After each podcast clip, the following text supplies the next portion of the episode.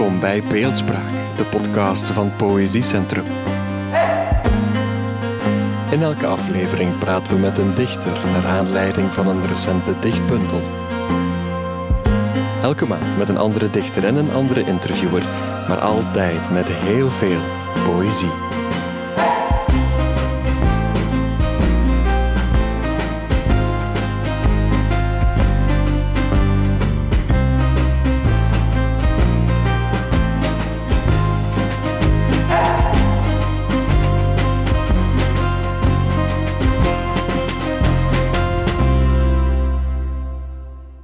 Na deze prachtige tune die mij uh, vooral aan de Adams Family doet denken. Misschien dat jij die associatie ook hebt. Uh, wil ik de luisteraar nogmaals welkom heten bij Beeldspraak, een podcast van het Poëziecentrum. En vandaag mag ik in gesprek met Edward van de Vendel, die ik zonder enige overdreiging een veelschrijver kan noemen. Van romans voor en over jongeren, kinderboeken, dichtbundels voor ja, eigenlijk iedereen tussen de 1 en de 105. En van alles wat daar uh, heen en weer beweegt. En dan vertaalt hij ook nog en begeleidt jongeren in hun schrijfproces. En is een prijsstier en een publiekslieveling. En daar zal ik niet te lang over doorgaan, want het wordt nu al een beetje ongemakkelijk. Dat vind ik altijd een mooie eigenschap. Um, mijn naam is Esther Naomi Perquin. Ik schrijf zelf ook poëzie. Daar probeer ik wel weer uh, vanaf te komen, maar zo is het wel. En qua hoeveelheid uh, red ik het sowieso niet bij mijn gesprekspartner, maar daar kan ik goed mee leven. Edward, heel fijn dat je hier zit, uh, midden in een hectische tournee, schat ik zo in. Ja, druk bezig nu om het beeld van prijstier weg te halen uit ja. mijn hoofd. ik denk aan kunstmatige inseminatie en dat soort ellende, maar nee. Nee, dat is inderdaad, nou ja, dat, dat spreekt me wel gelijk. Dat is een mooi, mooi uh, insteek naar mijn eerste vraag, want die vond ik eigenlijk zelf heel intiem. Uh, maar nu je het zo hebt om, om, over het beeld van prijsstier uit je hoofd te halen. Wilde eigenlijk gewoon vragen, dat is gelijk de meest uh, intieme plek, vind ik zelf, van een mens. Maar hoe ziet jouw hoofd er eigenlijk uit van binnen? Ach, daar, daar heb ik nu werkelijk geen verstand van. Uh... Het lijkt me namelijk zoveel, uh, want je werkt aan ongelooflijk veel en soms ook tegelijkertijd. Dus aan de ene kant denk ik dat dat moet heel ordelijk uh, zijn georganiseerd. Een, een, een, grote bibliotheekachtige situatie. Aan de andere kant kan ik me dat ook weer niet helemaal voorstellen bij jou, die, die mate van orde. Nee, nou, ik denk dat ik een soort timmerman ben. Dus ik ben de hele tijd schotjes aan het timmeren tussen het een en het ander. dus dan ben ik weer ergens mee bezig en denk, nee, maar nu niet. Nee, nu gaan we eerst even dit. Dus dan, uh, ik denk, denk vooral dat ik veel bezig ben met uh, oud hout en kromme spijkers.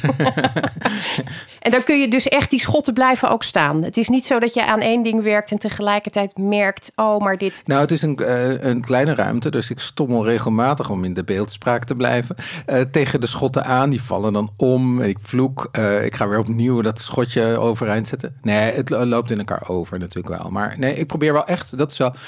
Ooit, ooit was ik uh, basisschooldirecteur, heel uh, kort, een aantal jaren. En toen had ik een volledige klas, die had ik de hele week. Maar ik moest ook directeur zijn en dat was te veel. En toen heb ik echt tegen mezelf, uh, mezelf eigenlijk aangeleerd om te zeggen... als ik voor die klas sta, ben ik geen basisschooldirecteur. En dat heeft me heel erg geholpen. Dus nu, als ik denk, ik schrijf een dichtbundel...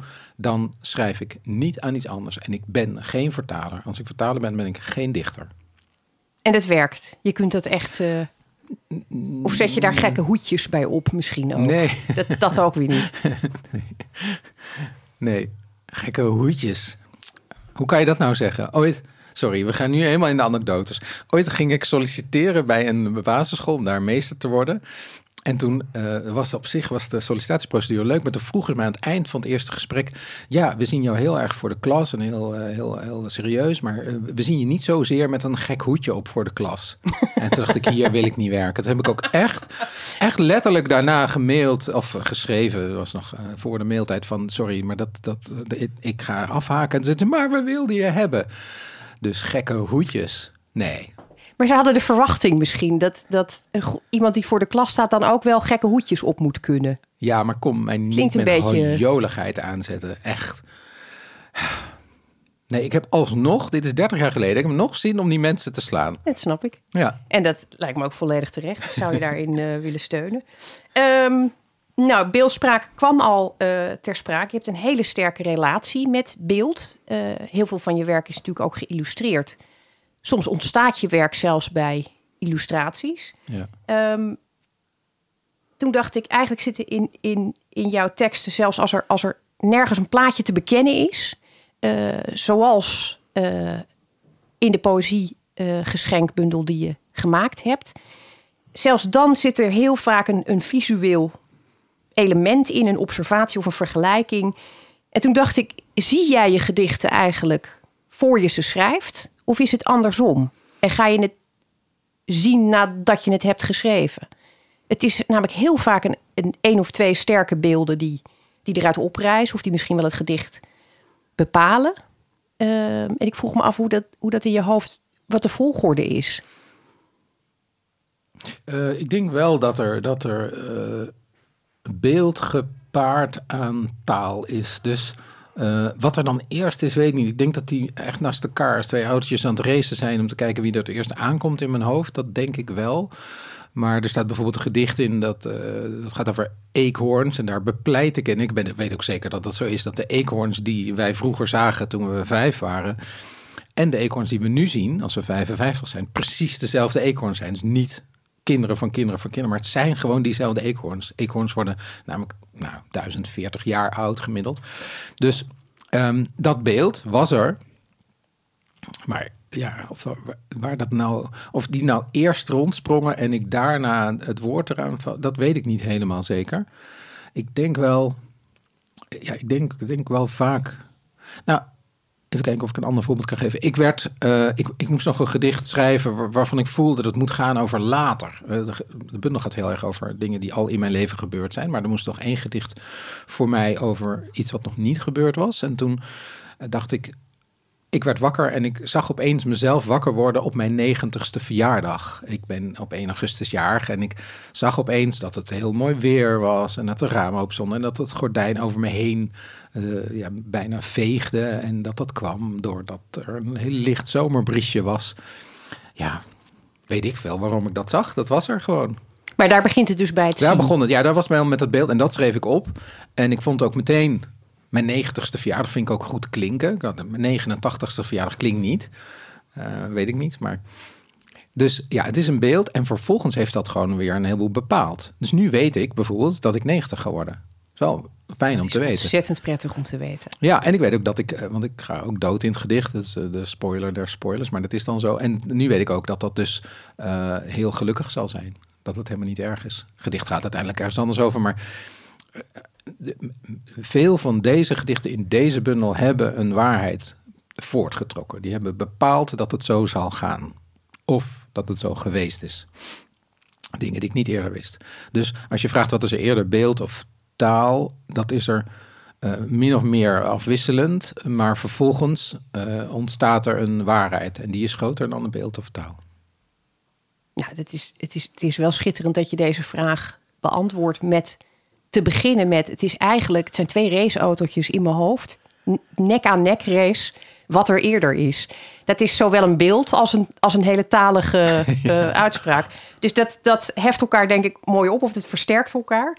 Um, ja, misschien is het goed om, om even op dat poëziegeschenk uh, in te zoomen. Je kreeg een verzoek om dat te doen. Nou, dat, dat is natuurlijk een enorme eer. Um, ik, ik, stel me ook voor dat dat in een soort gouden envelop wordt bezorgd met een limousine.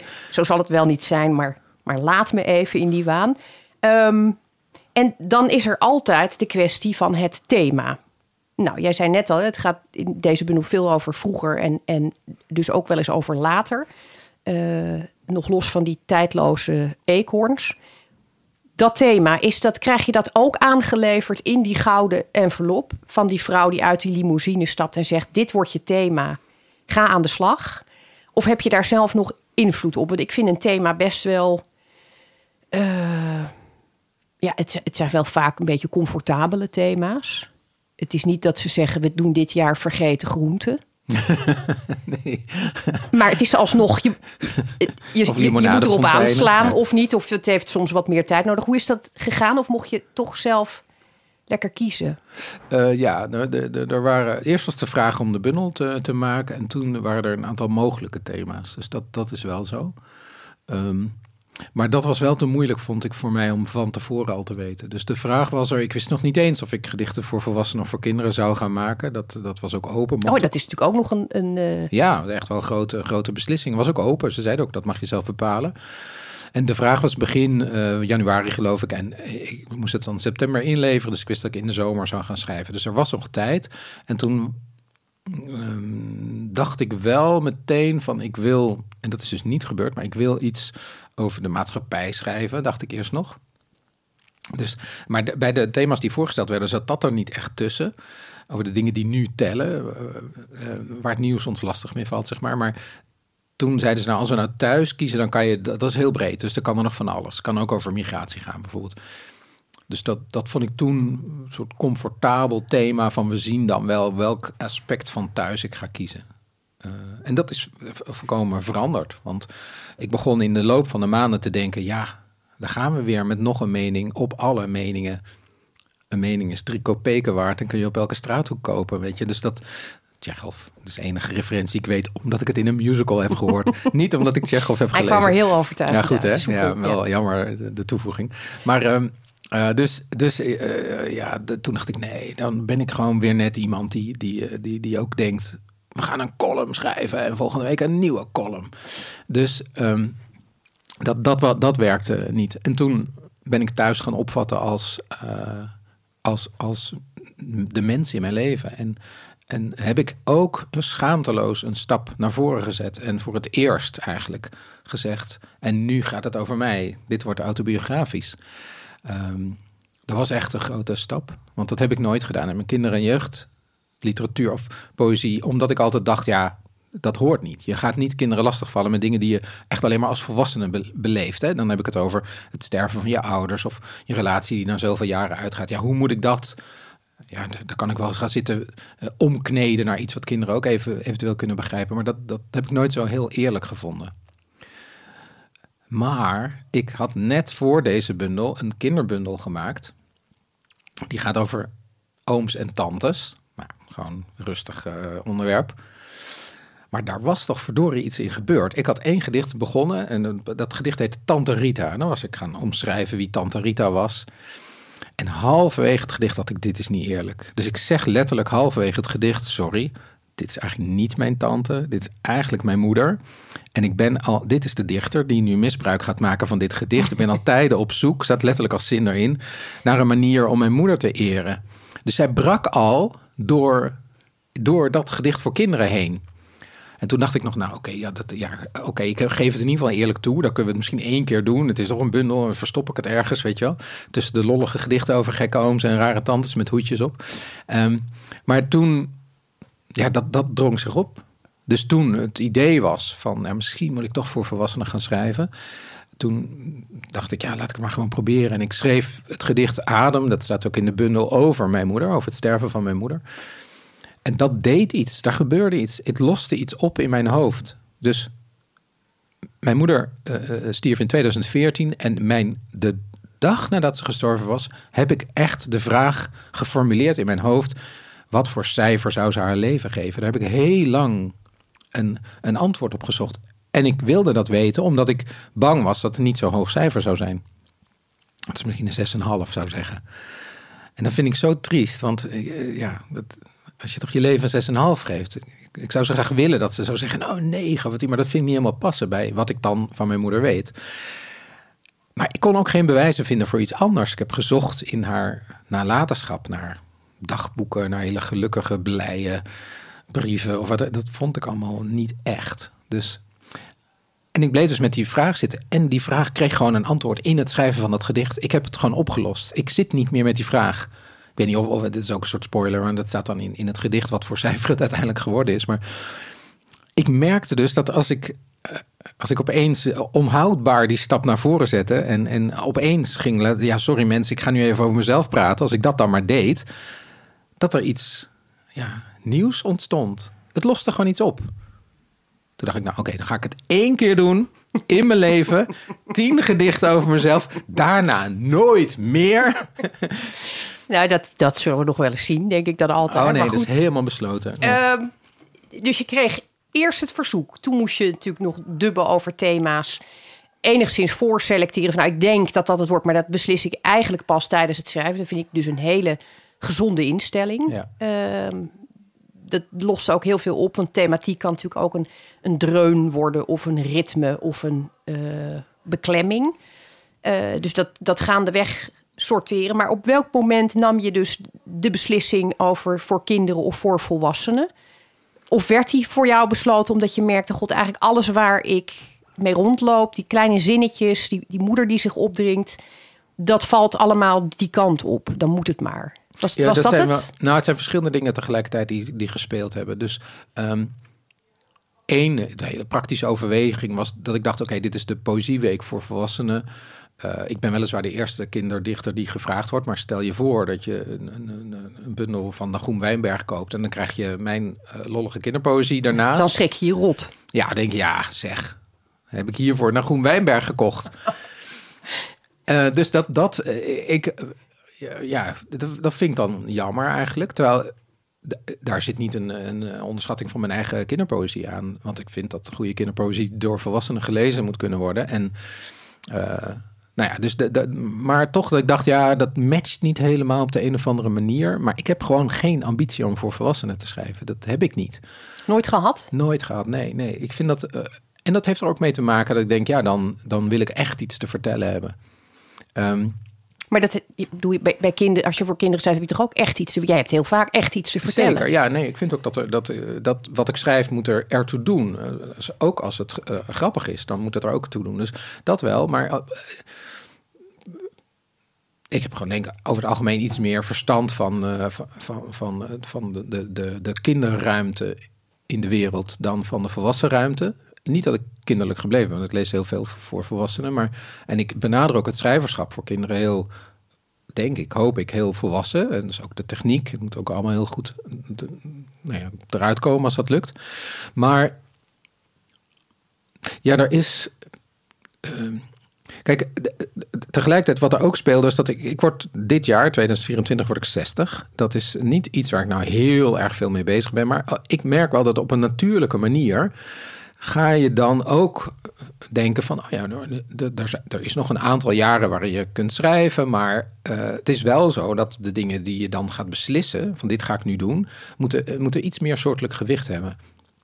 Want het is niet dat ik nog honderden boeken kan schrijven.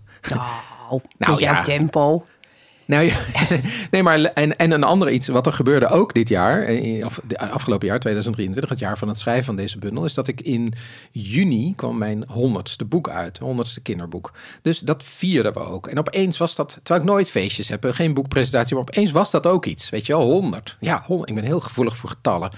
Als ik ga zwemmen, kan ik ook niet 24 baantjes trekken. Dat kan gewoon niet. Moeten er 25 zijn, of 30, of 12,5. Maar niet 24 of, nou ja, 16,2.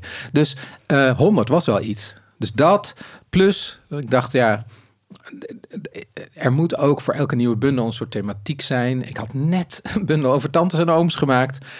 Ik dacht, ja, wat ga ik dan zoiets, beetje lolligs doen? Dat past niet. En dus gewoon eh, echt wel een ontwikkeling in mijzelf. En dat, dat heeft niets met literatuur te maken. Dat ik langzamerhand eh, ben gaan begrijpen dat als je jezelf vertelt aan de wereld, en dus ook over de dingen die je, eh, die je overkomen zijn, dat dat niet mensen afstoot, maar of afsluit of, of, of, of buitensluit, maar misschien eerder toelaat.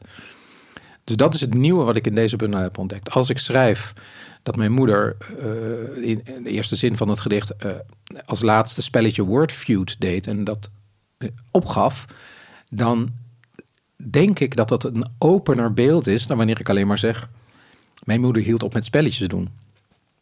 Dat is niet iets nieuws voor mij. Dat ik zie van: Oh ja, ik, ik zeg iets heel privés.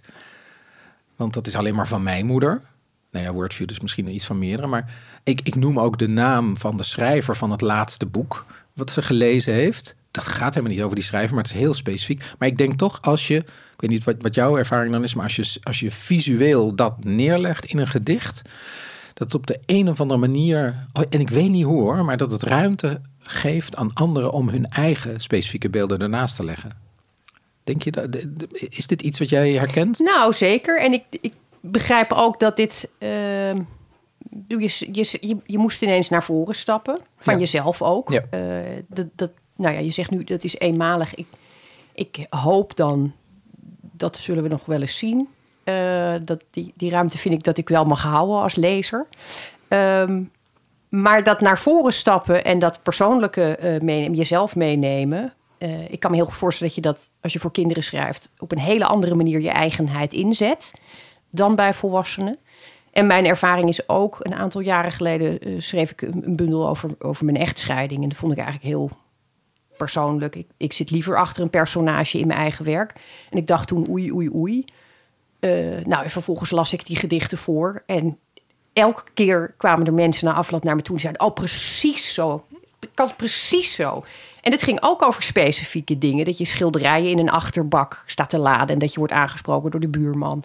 En uh, dat soort, soort triviale kleine dingetjes. Iedereen vond het volstrekt herkenbaar. Ja. En dat, eh, ja, iedereen kan je dit vertellen hoor. En heel veel ervaren schrijvers beschrijven dit ook. Dat, dat het, het meest intieme ook vaak het meest universele is. En dat, dat heb je dus ergens wel geregistreerd. Maar op het moment dat je zelf dus die stap moet gaan zetten, kan ik me voorstellen dat je toch ja, enigszins overvalt als een, als een inzicht. Als een, iets wat je zelf hebt veroverd. Nou ja, nou, het is gekoppeld aan, uh, aan de onderwerpen waar je nou over schrijft. Hè. Uh, jij noemt echtscheiding. En, en, en dat zijn natuurlijk als onderwerp dingen die heel universeel zijn. En, ik heb niet over mijn fascinaties voor de Eurovisieliedjes uit 1980 geschreven. Dat is natuurlijk veel specifieker. Waar misschien minder mee, en dat is niet de thematiek van de bundel. Dus de, de dingen die er gebeuren, ja, dat gaat over, over het sterven van ouders en over een allergrootste eerste liefde, allergrootste eerste liefde en, en het afscheid nemen van een geliefde. Dus dat zijn ook best grote dingen.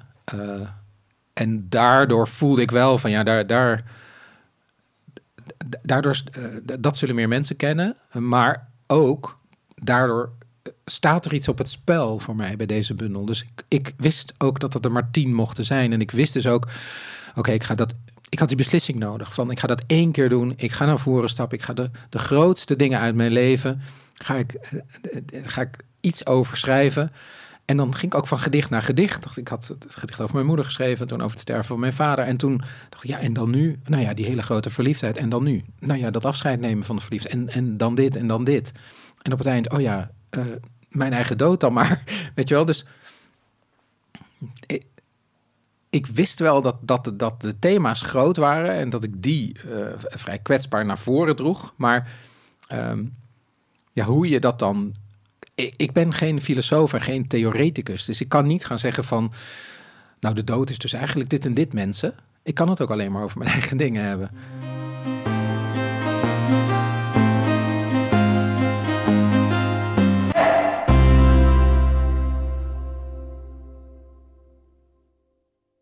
Ja, ik vind het echt een ongelooflijk mooie, ontroerende bundel. Waar ik ook, ik ben een ontzettende jankert, hè, dus dat, dit is verder niet uh, een algemene opvatting. Maar ik, ik schoot een aantal keren vol, maar ik moest toch ook heel vaak, dan, dan werd ik daarna wel weer opgetild. Die bewegingen van zwaarte en lichtheid herken ik natuurlijk wel uit jouw oeuvre. Uh, dat, dat is iets wat, wat, wat je dus ook als je voor volwassenen schrijft, wat gewoon blijft bestaan. God, godzijdank, zou ik bijna zeggen. En er zat iets in, en dat, dat vond ik vooral, en dat, dat moet ik misschien even op inzoomen, want het is altijd goed om het over dan één concreet gedicht te hebben. Uh, het titelgedicht Kom nog even naar mij kijken straks. Daar, uh, daarin zeg je eigenlijk, uh, dat, dat gaat over ouders die nog niet helemaal weten hoe ze ouders moeten zijn. Uh, een, een, een, kind dat bang is, uh, niet helemaal begrepen wordt. En aan het eind, zo heb ik het opgevat, blijkt eigenlijk um, dat dat enge, dat, datgene wat zo eng is geweest, iets heel moois heeft opgeleverd. Als ik het zo zal uh, samenvatten. Ja. Ik wil niet het hele gedicht navertellen, dat vind ik altijd een beetje gemeen. Um, zou je het willen voorlezen, Edward? Ja, ja heel goed. En dan ga ik er daarna nog iets heel intelligents over zeggen. Okay. Goed? ja. Het heet Hand in het donker. Dus het is niet een letterlijke titelgedicht, maar het is wel het gedicht waaruit de titel komt. Ja. Ja. Zeven was mijn oudste zoon. Toen hij een onverwachte angst tevoorschijn toverde, waarin zijn kamer s'nachts veroverd werd door iets wat hij met heel zijn wezenlijk verzinnende gezichtje hand begon te noemen, zonder lidwoord. Hand, die uit het donker opkwam klauteren. En je hoopt dan zo dat hij geen levenslange last opbouwt. Dus ja, je leest, je overlegt. Een opvoedgoeroe zegt negeren. En daardoor zijn wij hard geweest. We moesten nog leren vader, moeder zijn. Wanneer het tijd was om naar bed te gaan, troffen we door hem geschreven wanhoopsbriefjes aan. Kom alsjeblieft nog even naar mij kijken straks. Hij durfde zelf niet naar beneden, liet daarom stiekem smeeksels achter op de treden, sloop zacht terug naar boven, wakker, bang, in afwachting van ons erbarmen. Hoe kan het dat we hem toen niet meteen in onze armen zijn gaan nemen? De zoon, nu 50, zegt dat hij zijn hele leven geen problemen meer met zwarte nachten heeft gehad. Ik zeg oké, maar zou je dat, wanneer het wel zo was, aan iemand toevertrouwen? Dan staart hij mij omvergehouden aan en ik zie het in zijn wezenlijk verzinnende gezicht, de angst zijn angsten af te staan. Hand in het licht. Dit komt door mij, zeg ik. Door mij is die gebleven. Mama, zegt mijn zoon, je hebt me toen mijn schrijverschap gegeven. Ja, ik vind, het weer, ik vind weer ontroerend. Heel vervelend als je zo eh, in elkaar zit. Dat je de hele tijd eh, gelijk begint te snikken bij alles. Ehm, ik vond dit ook ontroerend om, omdat ik zo'n moeder ben. Die, die, ik herkende me enorm in dat zinnetje. We wisten nog niet hoe we vader moeder moesten zijn. Dat is een stap die ongelooflijk weinig wordt benoemd. Eh, ook bij ouders onderling merk ik. Ik mis dat heel vaak. En nu stond het er ineens. Toen dacht ik, hè, godzijdank is het, heeft iemand het opgeschreven. Ja. Eh, dat vond ik heel fijn. En daarnaast ehm, was er bij dit gedicht iets waarvan ik dacht... dit is ook iets wat als een rode draad door jouw oeuvre loopt. Het gaat heel vaak over angst. Er zit heel vaak een element van durf je of durf je niet. Een grote beslissing. En het kan alles zijn. Of je hem wel of niet kust. Ehm, ja, en ik moest ook denken aan, aan eh, Toen kwam Sam. Waarin Kik op een gegeven moment met een natte pyjamabroek in een donkere nacht staat. Ik heb dat boek denk ik misschien wel twintig keer van A tot Z voor moeten lezen. Want het is, helaas was het een van de favorieten van het kind dat het meest van herhaling hield. Dan, dan zit je daar al gauw in. En toen dacht ik, daar is het ook dat wat zoveel indruk maakte, was niet de moed van dat jongetje. Het was de manier waarop zijn angst wordt beschreven. Ehm, ja, ik zei dat ik iets intelligents ga zeggen, ging zeggen. Dat valt toch in de praktijk dan ontzettend tegen altijd. Ehm, ik, ik vroeg me af of, of ook omdat het, het het eerste gedicht is, dat ik toch denk, heb je dan onbewust misschien, als je, je, als je dan toch die stap het licht inzet, dat je begint met ook angst. Het is niet alleen maar moed, het is ook de angst die ingezet wordt. De angst zelf, die niet opgelost hoeft te worden, als het ware. Die, die benut kan worden, die intact mag blijven. Ja. Ehm, Nou, ik denk dat het eh, helemaal klopt wat je zegt over, over het werk. Ooit eh, ging ik een lezing doen in een groep 8 ergens. Ik geloof nou, nou, misschien dat ik toen tien jaar geschreven had. In groep 8 zitten ontzettend wijze kinderen. Hè? Eh, bijna altijd. En na de lezing of halverwege, weet ik niet meer... steekt één jongen zijn vinger op en die zegt tegen mij... ik weet wat jij altijd aan het doen bent. Zo met een uitgestoken vinger ook. Wat, wat? Jij schrijft altijd over mensen die iets niet durven, maar ze moeten wel. Dan dacht ik, ja, verdorie, dat kind heeft gewoon eh, mijn hele oeuvre doorgrond, weet je wel. het klopt. En eh, hier, ja, ik was dat doodsbange kind. Ik herken, ik ben niet meer bang in donker. Echt, dat is ook echt gewoon opgelost daardoor. Maar de angst her- herken ik altijd wel. En ik herken, denk ik, ook best snel angst bij anderen. En de angst is, er is nog steeds een hand in, in elk donker wat er zomaar kan zijn. En, ehm, en, en ik heb ook altijd, mijn, mijn moeder heeft dit heel vaak tegen mij gezegd, van dat ze dat zo fout had gedaan, dat ze dat zo erg vond. En ik heb haar ook altijd gerustgesteld en gezegd, nee, dat is helemaal niet erg, want ik ben daarna nooit meer bang in het donker geweest. En nu dacht ik, ja, dat is, dat is te licht, ik moet dit serieuzer nemen. En ook hier werd weer iets opgelost of uitgezocht in het gedicht bij het schrijven. Dus ik vond in het gedicht dat het me wel heeft opgeleverd dat ik toch jarenlang heb gedacht, maar als je echt bang bent, hou het maar voor jezelf. Zeg het maar niet, weet je wel. En dat is gewoon een uitkomst van leren, van ouder worden, van, eh, van een beetje therapie ook. Dat dat niet helpt. Je moet het zeggen. Dus het staat er nu. Weet je, ik zeg tegen alle mensen met deze tien gedichten, en daarom kan me ook helemaal niet meer schelen wat er, wat er nou verder met die bundel gebeurt. Kom nog even naar me. Kijk, dit zijn mijn tien briefjes. Ik weet dat als ik dat opschrijf, dan, ja, dan, dan gebeurt er iets daarmee als ik ze uitspreek. Dus zij heeft uh, altijd wel gevoeld van ik heb het fout gedaan. Maar ze heeft het ook fout gedaan. Alleen kon ze er niks aan doen. En het heeft ook iets bij me opgeleverd. Namelijk dat ik me lang, omdat ik het niet durfde te zeggen, verscholen heb aan achter allerlei personages die dus altijd iets moeilijks vanuit de angst op te lossen hebben. Maar ik vind dat ook de liefste mensen die ik ken. Ik vind onverschrokken mensen die alles aandurven. Ja, die hoef ik liever niet te kennen. Weet je wel, het is ook daar zit toch ook iets ongelooflijk ontroerends in, in mensen die bang zijn ergens voor, maar toch voortgaan. Ja, en ik denk bij angstloosheid ook, het is misschien heel onaardig dat ik dat zeg, maar mensen die niet, niet snel bang zijn, denk toch, het is ook een beetje gebrek aan verbeeldingskracht, volgens mij. hebben ze ook niet nodig. Waar heb je je, verbe je verbeelding is, is het leven oefenen. Waar heb je dat als, als alles goed gaat en als je nergens bang voor bent, ja, dan hoef je er ook niks in te beelden. Nee, dat, dat, dat zal het denk ik zijn. En volgens mij versterkt elkaar dat dan enorm. Als je, als je niet voorstelt wat de nood... Ik zit altijd, als ik in de ruimte kom, dan kijk ik eerst even... hoe, hoe kom ik er weer uit? Ja. Wat zijn de risico's?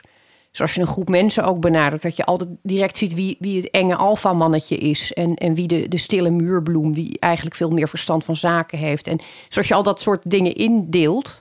Ja. Volgens mij zie je dat helemaal niet als je niet bang bent. Dus precies, nou ja, een paar jaar geleden schreef Joris Luijendijk over de, de vinkjes, de zeven vinkjes. Maar hij zei in een lezing daarover, en dat vond ik een veel sterker beeld dan wel of niet zeven vinkjes hebben. Hij zei, er is een verschil in de wereld tussen de mensen die uh, een ruimte binnenkomen en denken, oh, ik, ik hoor hier niet helemaal thuis. En de mensen die dat nooit denken.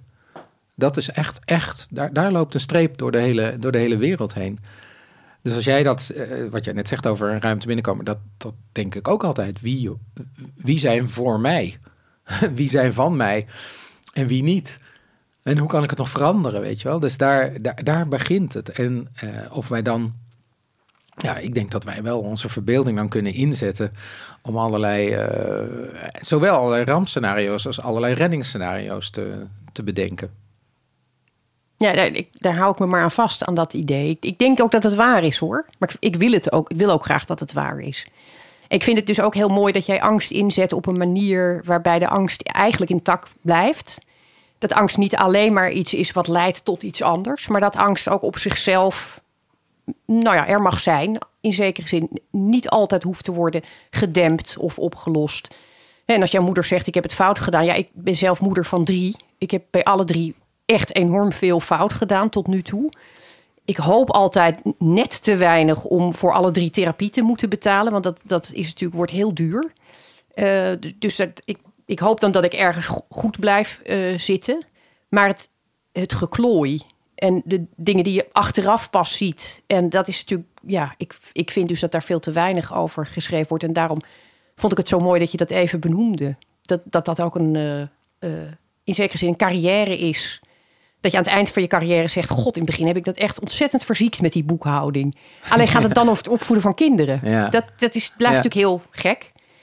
En, en ook, en, het ook weer, en ook weer de taak van kinderen. En dat gaan die van jou ook allemaal doen. Uh, tegen jou zeggen: Nou, dat viel heus wel mee. Ja, ik denk dat kinderen daar loyaler en begripvoller in zijn dan, dan je naar jezelf kunt zijn. Ja. Je, je nou, vindt dat, je het zou moeten kunnen. Dat je, dat, dat je als, als ouder uh, en sowieso ook verantwoordelijke voor, voor wie dan ook, weet je wel, dat, dat twee dingen je kunnen helpen. Dat aan de ene kant, uh, je kan helpen als mensen zeggen, nou dat viel heus wel mee, wat jij nu allemaal over jezelf van uh, kwaaiigheid afroept. En ook dat ze het niet helemaal wegredeneren. En ik, ik dacht in dit gedicht van ja, ik kan altijd. Ik, ik, heb echt altijd tegen mijn moeder gezegd: nee hoor, mam, helemaal niet waar. Maar ik vind ik toch niet helemaal eerlijk naar haar. Weet je wel, ik neem ook haar, haar, haar uh, beoordeling niet helemaal serieus. Dus als ik nu zeg: nee, mam, inderdaad, dat, was, ja, dat had misschien anders gemoeten. Dat is ook wel een soort erkenning van alles wat in haar is, weet je wel. Dus ik hoop ook dat jouw kinderen later gaan zeggen: Nou, in, inderdaad, dat was lichtelijk ongelukkig. uh, maar je hebt ook dit gedaan, maar dat staat er tegenover. En kijk eens, dit heeft het mij weer opgeleverd. Want het is natuurlijk niet zo dat als je alleen maar goede dingen doet als ouder, volgens mij worden er, worden dat heel vervelende kinderen. Ik denk dat je het nooit kunt uittesten. Dit lijkt me typisch iets wat gewoon, wat, dat zou als experiment interessant zijn, maar ik denk niet dat het kan, eerlijk gezegd. Nee, Nee, nou ja, ja. ik zit nu te denken aan, maar ik weet niet of het een helemaal een goede analogie is aan, aan het experiment wat er uh, op Netflix nu is. Uh, gefilmd tussen, tussen tweelingen, waarvan de een een tijd lang heel slecht eten krijgt, maar heel lekker eten. En een ander heel niet zo lekker eten, maar wel heel gezond. Nou ja, die, die gezond eten krijgt, ziet er heel goed uit daarna. Uh, maar die anderen hebben een hoop meer lol gehad. dus ik weet het niet. Nee. Nou ja, dit is wat dat betreft loopt dat misschien ook allemaal wel uh, parallel of in elkaar. Of, of, is het meer een kluwen? Het viel me op en niet alleen in dit gedicht. Uh, eigenlijk in de hele bundel vond ik dat heel erg terug. Uh, dat je die stap van kind naar volwassene ook zo gemakkelijk lijkt te kunnen zetten. Uh, ik denk even aan die, die, die eekhoorns. Je bent direct weer terug op de plek waar je toen was. alles is er weer. Ja. En dat, of dat nou een trucje is of niet, ik denk zelf van niet. Of ik, ja, misschien wil ik dat graag als lezer ook het gevoel hebben dat, dat jij hè, die, die stapjes uh, zo makkelijk zet. Alsof je alle maten schoenen die je nog hebt, gewoon in de gang op een rij hebt staan. En dan s ochtends kijkt uh, welke doe ik vandaag aan. En daar dan ook in past. Dat gevoel geeft het een beetje. En bij de meeste mensen gaat dat veel houteriger. Of die hebben nog wel maat 36 van toen ze 16 waren. Maar maat 23 kunnen ze echt uh, nooit meer terug. Maar bij jou, ik heb altijd het gevoel dat de collectie bij jou helemaal compleet is. nou ja, dat, dat weet ik niet helemaal zo. Maar het is wel zo dat um, in het gedicht je altijd aan over de eekhoorns. Daar ja, ik ben gewoon ervan overtuigd dat als, eh, als wij eekhoorns zien nu, eh, op onze leeftijd of op mijn leeftijd, dat, eh, dat dat precies dezelfde eekhoorns zijn als die ik zag toen ik tien was. Dat, dat is wat ik dan in dat gedicht beweer. Het is niet van, oh, dat zijn kinderen van kinderen van kinderen van eekhoorns. Nee, het zijn gewoon dezelfde.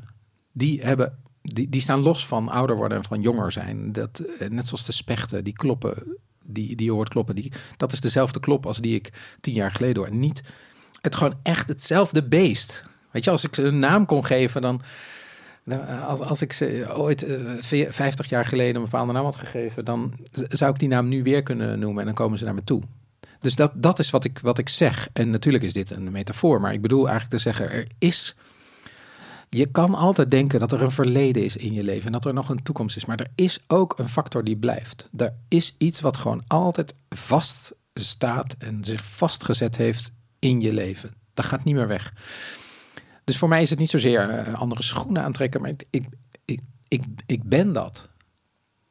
En de 90-jarige die in het laatste gedicht staat, die is, er, die is, ook, die is ook tien en die is ook 27 en ook 55. Dat, er is een kern die tegen de tijd inbeweegt of zoiets. Bij jou in ieder geval. Ja. En in je werk. Ja, maar eh, ik heb, eh, ik heb ooit een, een, een dichtbundel voor, voor uh, kleine kinderen gemaakt. Dat heet Superguppy. En daar staan een heleboel vrolijke kleine gedichten in. En daar, daar gaat één gedicht over de glasbak. En dat, dat gaat over hoe leuk het is om keihard flessen in de glasbak te gooien. Omdat je dan zo'n glasontploffing hoort. Ik weet gewoon 100% zeker dat die lol die wij hebben als volwassenen door dat glas weg te gooien, is dezelfde lol als die we hadden toen we zeven waren en dat deden als je op de loopband bij Schiphol stapt, waar je opeens twee keer zo snel vooruit gaat, dan denk je toch even, oh leuk. Je gaat dat kiezen en je gaat er niet naast lopen. Dus die, die, dat plezier verandert niet. Die eekhoorn is hetzelfde. Ik hoop dat het zo is. Ik, ik vermoed dat er bij heel veel mensen toch een, een, een, een laagje cynisme of vermoeidheid of ironie of schaamte. Of dat is eigenlijk kinderachtig je ziet denk ik toch bij de glasbak ook veel mensen zijn die. Dat er, dat er veel mensen staan die in plaats van denken: God, ik heb een lekkere volle tas, dan kan ik heel veel glas laten ontploffen. toch vooral denken: ik hoop dat de buren dit niet zien, want ik heb weer veel te veel gezopen.